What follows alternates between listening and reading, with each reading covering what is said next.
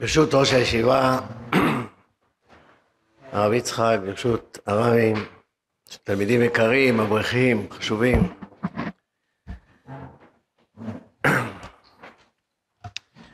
היום אנחנו נלמד תובנות חדשות בהסבר הגמרא במסכת מנחות העוסקת בדו-שיח בין משה רבנו לקדוש ברוך הוא, כאשר משה רבנו שואל מדוע לא ניתנת תורה על ידיו של רבי עקיבא, והקדוש ברוך הוא עונה לו תשובה שהיא קשה, לא ברורה, שתוק כך עלה במחשבה. מה זה שתוק כך עלה במחשבה לפניי? אבל אנחנו נתחיל בגמרא המפורסמת, בסוף מסכת מכות, שגם היא עוסקת ברבי עקיבא ובחכמים. וכבר היה רבן גמליאל ורבי אלעזר בן עזריה ורבי יהושע ורבי עקיבא מהלכים בדרך ושמעו כל המונה של רומי. בריחוק 120 מיל. התחילו הם בוכין ורבי עקיבא משחק. אמרו לו, מפני מה אתה משחק? אמר להם, ואתם מפני מה אתם בוכים? אמרו לו, קושיים שמשתחווים לעצבים ומקטרים לעבודת כוכבים, יושבים לבטח והשקט, ואנחנו בית אדום רגלי אלוהינו שרוף, באש ולא נבכה? אמר להם, לכך אני משחק. ומה לעוברי רצונו כך, לעושה רצונו על אחת כמה וכמה? שוב פעם אחת היו עולים לירושלים, כיוון שהגיעו להר הצופים, קראו בגדיהם. כיוון שהגיעו להר הבית, ראו שועל שיצא מבית קודשי הקודשים, התחילו הן בוכין ורבי עקיבא משחק. אמרו לו, מפני מה אתה משחק? אמר להם, ואתם, מפני מה אתם בוכים? אמרו לו, מקום שכתוב בו, והזר הקרב יומת, ועכשיו שועלים ילכו בו, ולא נבכה?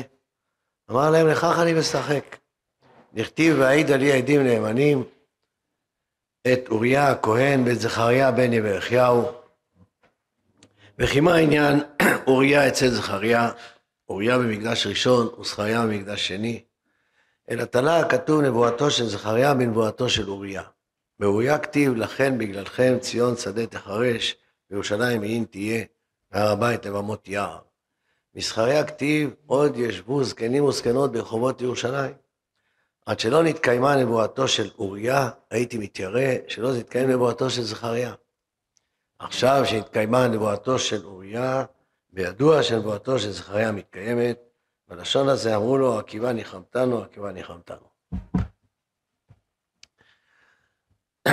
פה אנחנו רואים חלק מדמותו של רבי עקיבא, כאשר בעצם חכמי ישראל ביטאו את הרגשות, רגשות הצער והבכי על חורבן הבית, ששועלים ילכו בו.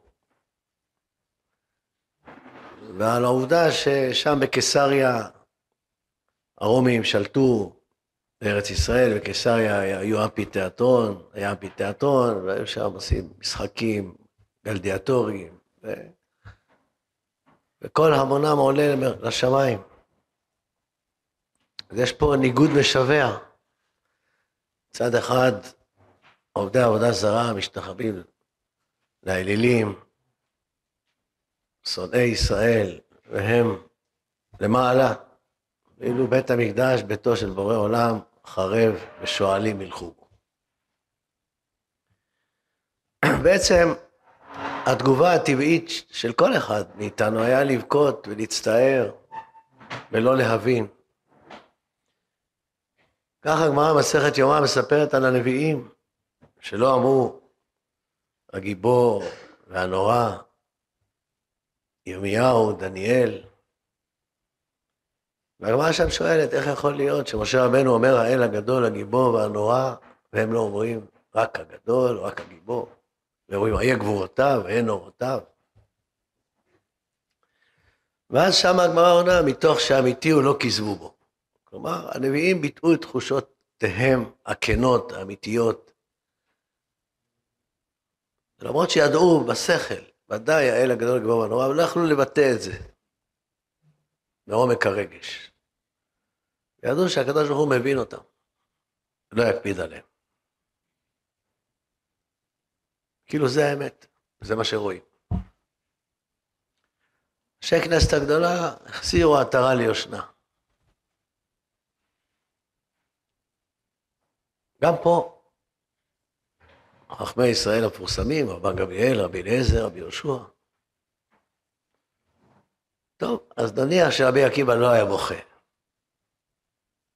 אלא אדיש, אבל משחק, או צוחק, או אם שועל יוצא, ולא רק זה, אלא גם שואל אותם מפני מה אתם בוכים.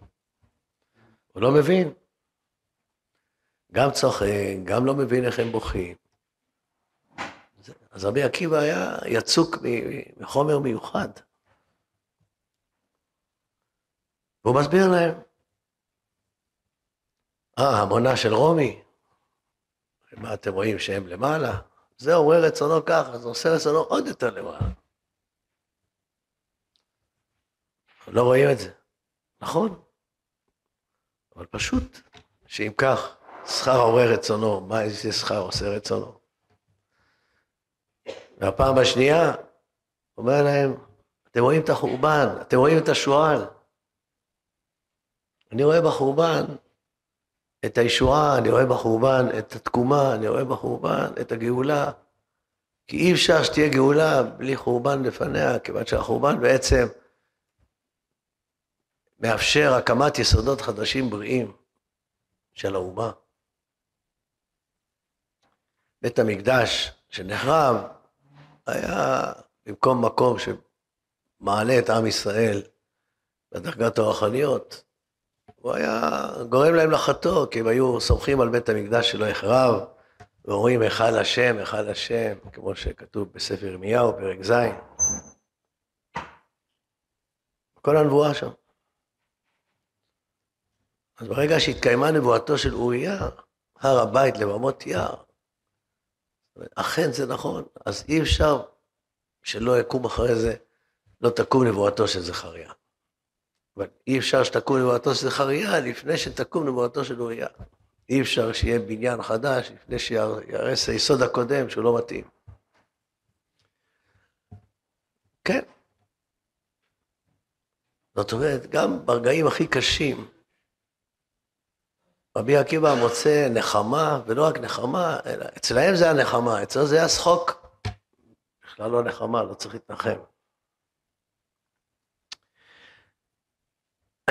אני הקדמתי את הגמרות האלה, קודם כל כי אנחנו נמצאים בראש חודש אב, לפני תשעה באב, בימים שהם ימי צער לעם ישראל. אבל מכאן אני עובר במהירות אל אותה גמרא שאני רוצה להסביר. הגמרא במסכת מנחות בדף כ"ט עמוד ב'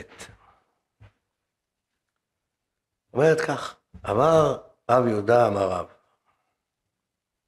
בשעה שעלה משה למרום, מצאו לקדוש ברוך הוא שיושב וקושר כתרים לאותיות. התגים. אמר לפניו, ריבונו של עולם, מי מעכב על ידך? אמר לו, אדם אחד יש שעתיד להיות בסוף כמה דורות, ועקיבא בן יוסף שמו, שעתיד לדרוש על כל קוץ וקוץ תילי תילין של הלכות. כל תג ותג. אמר לפניו, ריבונו של עולם, הראהו לי. אמר לו, חזור לאחוריך. חזר לאחוריו. הלך וישב בסוף שמונה שורות, ולא יודע מה הם אומרים. תשש כוחו. כיוון שהגיע לדבר אחד. אמרו לו תלמידיו, רבי, מניין לך? אמר להם, הלכה למשה מסיני, התיישבה דעתו. אז לא ברור, מה, מה הוא לא הבין? למה הוא לא הבין? אז מה אם הוא אמר, הלכה למשה מסיני, למה ככה נתיישבה דעתו? מהי כסבר? עיקרה מהי כסבר, אבל בסוף מהי כסבר? חזר ובא לפני הקדוש ברוך הוא, אמר לפניו, ריבונו של עולם, יש לך אדם כזה ואתה נותן תורה על ידי, ואז פתאום הקדוש ברוך הוא משיב לו תשובה מאוד קשה, מאוד נוקבת. קשה להבין אותה. שתוק, כך עלה במחשבה לפניי. מה זה שתוק? ומה זה כך עלה במחשבה לפניי? אמר לפניו, ריבונו של עולם, הריתני תורתו, הראני שכרו. אמר לו, חזור לאחוריך. חזר לאחוריו, ראה ששוקלין בשרו ומקולין. סרקו את בשרו בסרקות של ברזל, עוד מכרו את הבשר שלו. אמר לפניו, ריבונו של עולם, זאת תורה וזו שכרה? אמר לו, שתוק, קח עליו מחשבה לפניי. ואין מבין מה, מה משה טוען, מה הקדוש ברוך הוא אומר לו. על כך אני רוצה להתייחס. כתרים לאותיות, תגין. שואל משה את הקדוש ברוך הוא, לשם מה התגין האלו? מה צורך יש בהם? הרי הכל כתוב באותיות. כל הרעיונות, כל המחשבות, כל הציוויים, הכל כתוב. מה מוסיפים התגים? מה יש בהם? אמר לו הקדוש ברוך הוא, יש אחד בסוף הדורות שקוראים לו עקיבא בן יוסף. והוא ידרוש על כל קוץ וקוץ תילי תילין של הלכות. הוא, הוא יפתח את הדגים. מה פירוש הדבר הזה? פירוש הדבר הזה, האותיות מביעות את ההיגיון, את ההבנה, את האמירה. מה פירוש התגין? כתרים לאותיות. דברים שאין בהם טעם, שאנחנו לא מבינים אותם. חוץ מצורת תג, אין, אין שום הבנה, זה לא אות. או במילים אחרות, יש מציאות שאנחנו מבינים אותה, ויש מציאות שהיא בלתי מובנת, אי אפשר להסביר אותה. אז שואל משה את הקדוש ברוך הוא, לשם מה אתה, לשם מה צריך תגין, לשם צריך משהו בלתי מוסבר, בלתי מובן. אומר לו, יש אחד בסוף הדורות, שהוא יסביר גם את הדברים הכי לא מובנים. וזה רבי עקיבא. שגם כשהוא רואה חורבן הבית, הוא רואה בזה את הגאולה. אף אחד לא רואה בזה את זה. כשהוא רואה כל המונה של רומי, כולם בוכים, לא מבינים. והוא אומר להם, הוא לא רואה בזה אפילו נפילה, להפך. ועוד יותר מזה, כאשר סורקים את בשרו במסקות של ברזל, והוא אומר, כל ימיי, חיכיתי לרגע הזה, לשון הגמרא,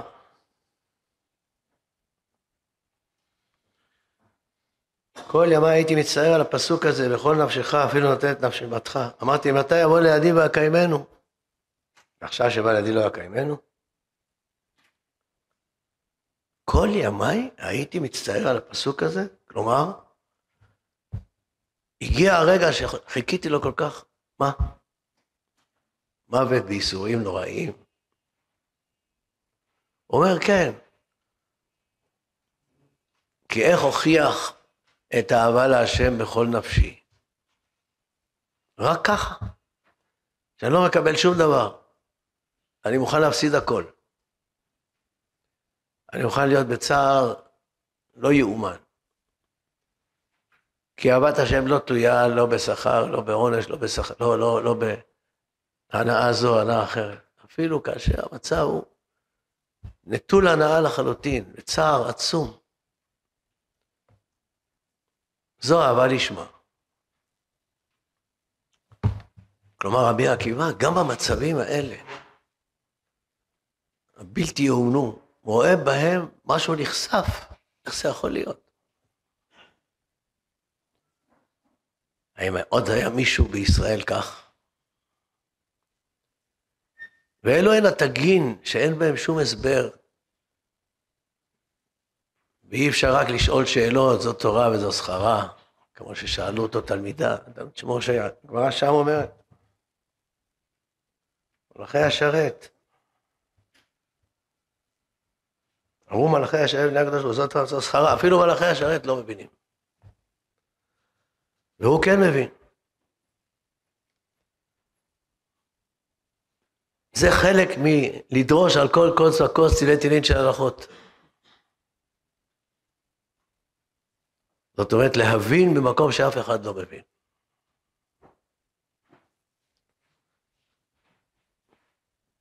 אז הוא אמר לו, משה רבנו, תראה לי אותו. אמר לו, בסדר, חזור לאחוריך. הלך וישב בסוף שמונה שורות. מה זה שמונה שורות? אם אתם זוכרים, סופר על הרב כהנא, שאמר לו, רב, אל תקשה שבע שנים לרבי יוחנן. כל פעם שהוא לא היה מקשה, הוריד אותו עוד שורה, עוד שורה, עוד שורה, עד השורה השביעית. ואז הוא אמר, יהי רצון שיהיו שבע השורות האלה במקום שבע השנים שאמר לי, שאמר לי רב לא להקשות רבי יוחנן, והקשה מהשורה השביעית. מה יש בשורה השמינית? שם אין לא מקשיב. הוא אמר, רק התלמידים שיושבים בשבע השורות יכולים לשאול שאלות. אחרי שבע שורות אין שאלות. אז משה איפה ישב? במקום שלא שואלים שאלות. שמונה שורות. ולא הבין מה אומר רבי עקיבא. לא יודע מה הם אומרים. רבי עקיבא, שהיה רואה בכל דבר קשה, דבר טוב, משה רבנו לא היה מבין.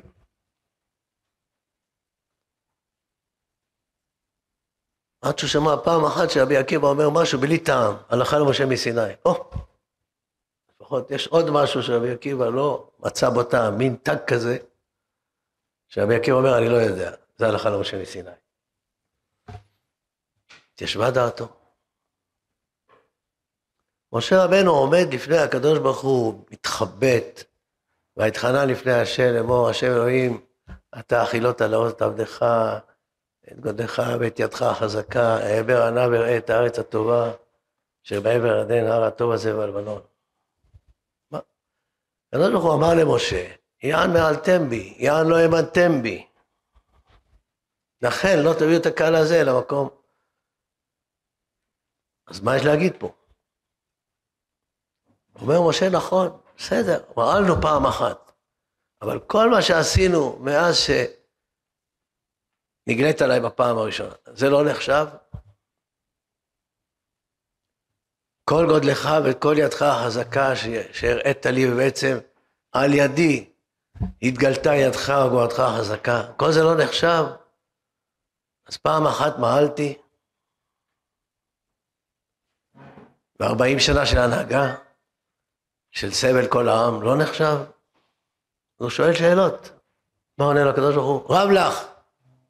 מה זה רב לך? שתוק. אל תוסף לדבר אליי על הדבר הזה. אמירה פסקנית. זו אותה תשובה שכאן נאמר. אמר לו שתוק.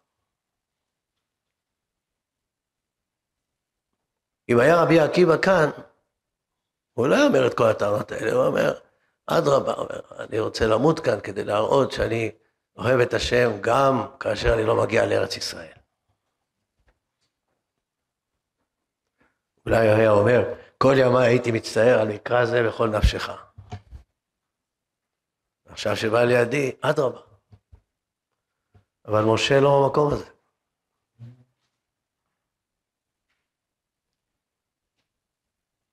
מה זה כך עלה במחשבה לפניי?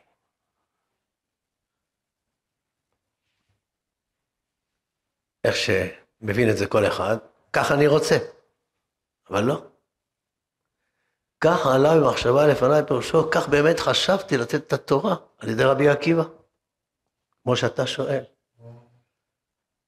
ומשה שואל את הקדוש ברוך הוא, חזר ואמר לו, יש אדם כזה שיכול להגיע עד הכתרים של האותיות, ומבין גם אותם, ואתה נותן תורה על ידי? אומר לקדוש ברוך הוא, כן. באמת עלתה במחשבה לפניי לתת על ידו את התורה. אז למה לא נתתי? כי העולם לא יכול לעמוד בזה. בדיוק כמו שהקדוש ברוך הוא ביקש לברוא את העולם במידת הדין, עלה במחשבה לברוא את העולם במידת הדין, וראה שהעולם לא יכול להתקיים, שיתף עמו מידת הרחמים.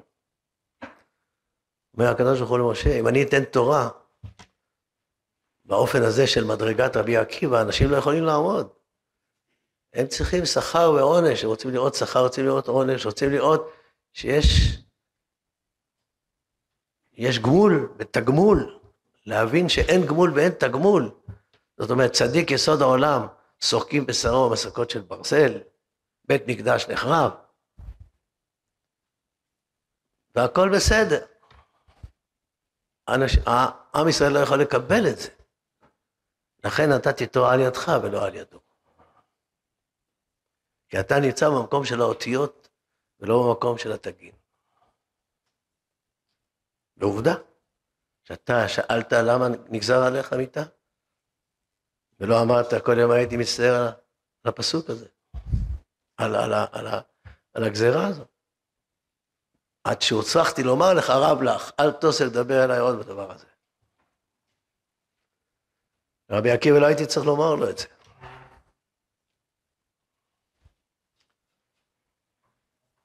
ואז אומר לו, הראני שכרו. והראה לו את שרו, שקולים בשרו מקולין של ברזל. מקולין. אמר לו, זאת תורה וזו שכרה? עוד פעם, זו שאלה. אמר לו הקדוש ברוך הוא, שתוק, לא לא, לא אענה לך. כך עלה המחשבה לפניי. לתת את התורה במדרגה הזאת, הגבוהה, שבו אין לה הבנה.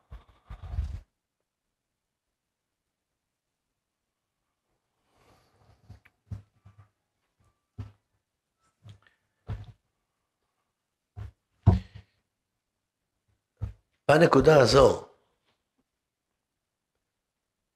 שעלה במחשבה לפני הקדוש ברוך הוא לברוא את העולם במידת הדין, וראה שאין העולם יכול להתקיים ושיתף עמו מידת הרחמים. מה זה מידת הדין ומה זה מידת הרחמים?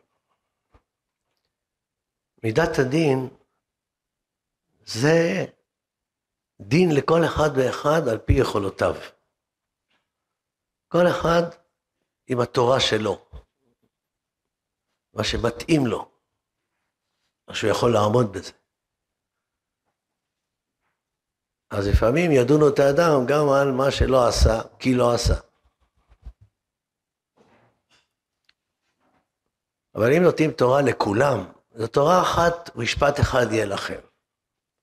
אז זה מידת הרחמים, מפני שאם נותנים דין אחד לכולם, צריך ללכת למכנה המשותף הכי נמוך. כי אי אפשר לבוא בטענות לאדם שלא יכול לקיים את התורה ולהגיד לו למה לא קיימת.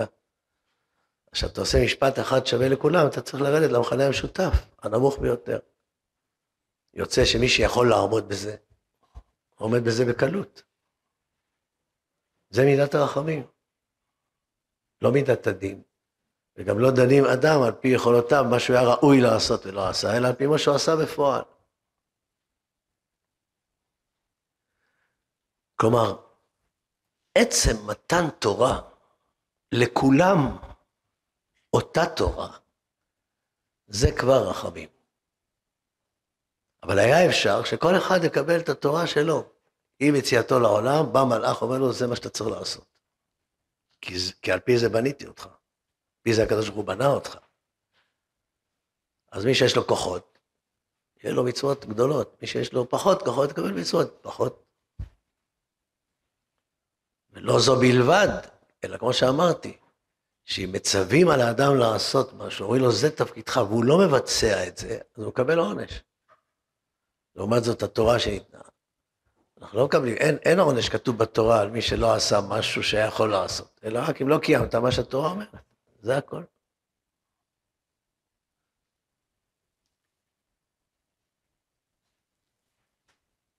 זאת אומרת שאם הייתה ניתנת תורה על ידו של רבי עקיבא, הייתה תורה אינדיבידואלית.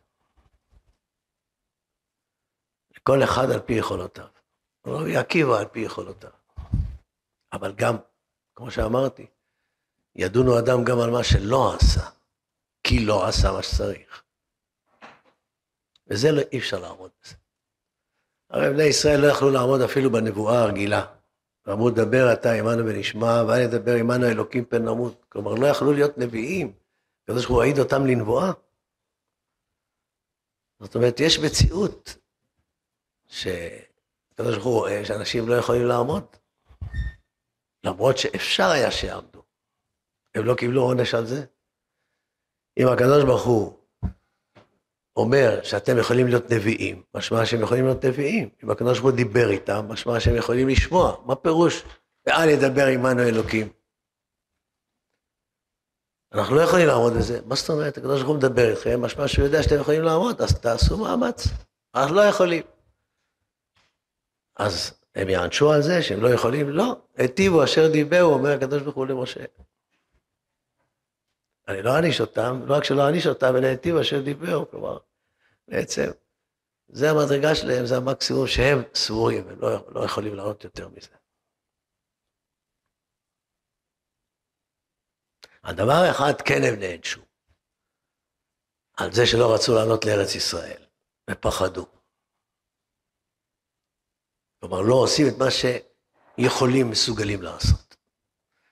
כי אחרי שראו את כל הניסים שהיו במצרים, את, את, את הנוראות והנפלאות האלה שמעל הטבע, את, את מה שקרה, שהרעיש את כל העולם כולו, כמו שרחב אמרה למרגלים, שאמרנו אשר הוביש את פני יוסף לפניכם, ונמס לבבנו. אז מאיפה? מה המקום של פחד? ואז זה העונש על כך שהם לא התגברו על עצמם ועלו לארץ ישראל. ורואים שהמעפילים כן יכלו. אז כמו שהמעפילים יכלו, כולם היו יכולים. אז כללו של דבר, כך עלתה במחשבה לפניי, כלומר, הייתה אפשרות כזאת. אבל זו מדרגה גבוהה מאוד שלא כל אחד יכול לעמוד בה. זאת אומרת, בסופו של דבר, אנחנו לא רבי עקיבא. לא יכולים לצחוק כאשר המצב קשה. ואנחנו לפחות, נאמר, בדרגה של חכמי ישראל, שדרגה גבוהה מאוד, ושראו את החורבן אז הם בכו. כלומר, הביעו את רגשותיהם. ולא, ולא אמרו, אה, חורבן זה יביא לגאולה, ולכן. אותו דבר גם מה שקורה היום. עם ההתעללות, אני קורא, בזהותה היהודית של המדינה. מכל כיוון, אם היה עולה בידם. אם מכיוון